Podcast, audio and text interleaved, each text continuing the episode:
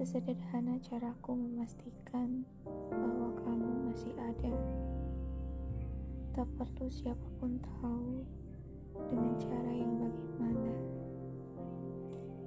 Sesederhana itu pula, aku selalu mencari celah untuk sesekali memastikan kamu tetap baik-baik saja.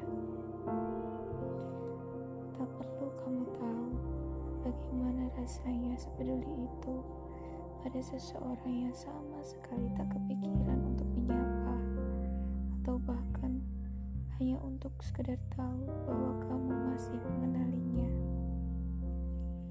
Ya, sederhana yang rumit memang. Karena di sini kadang logika kalah berperan dibanding perasaan.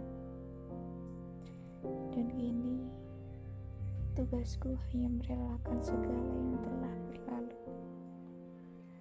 Melepaskan semua yang seharusnya memang tak tergenggam.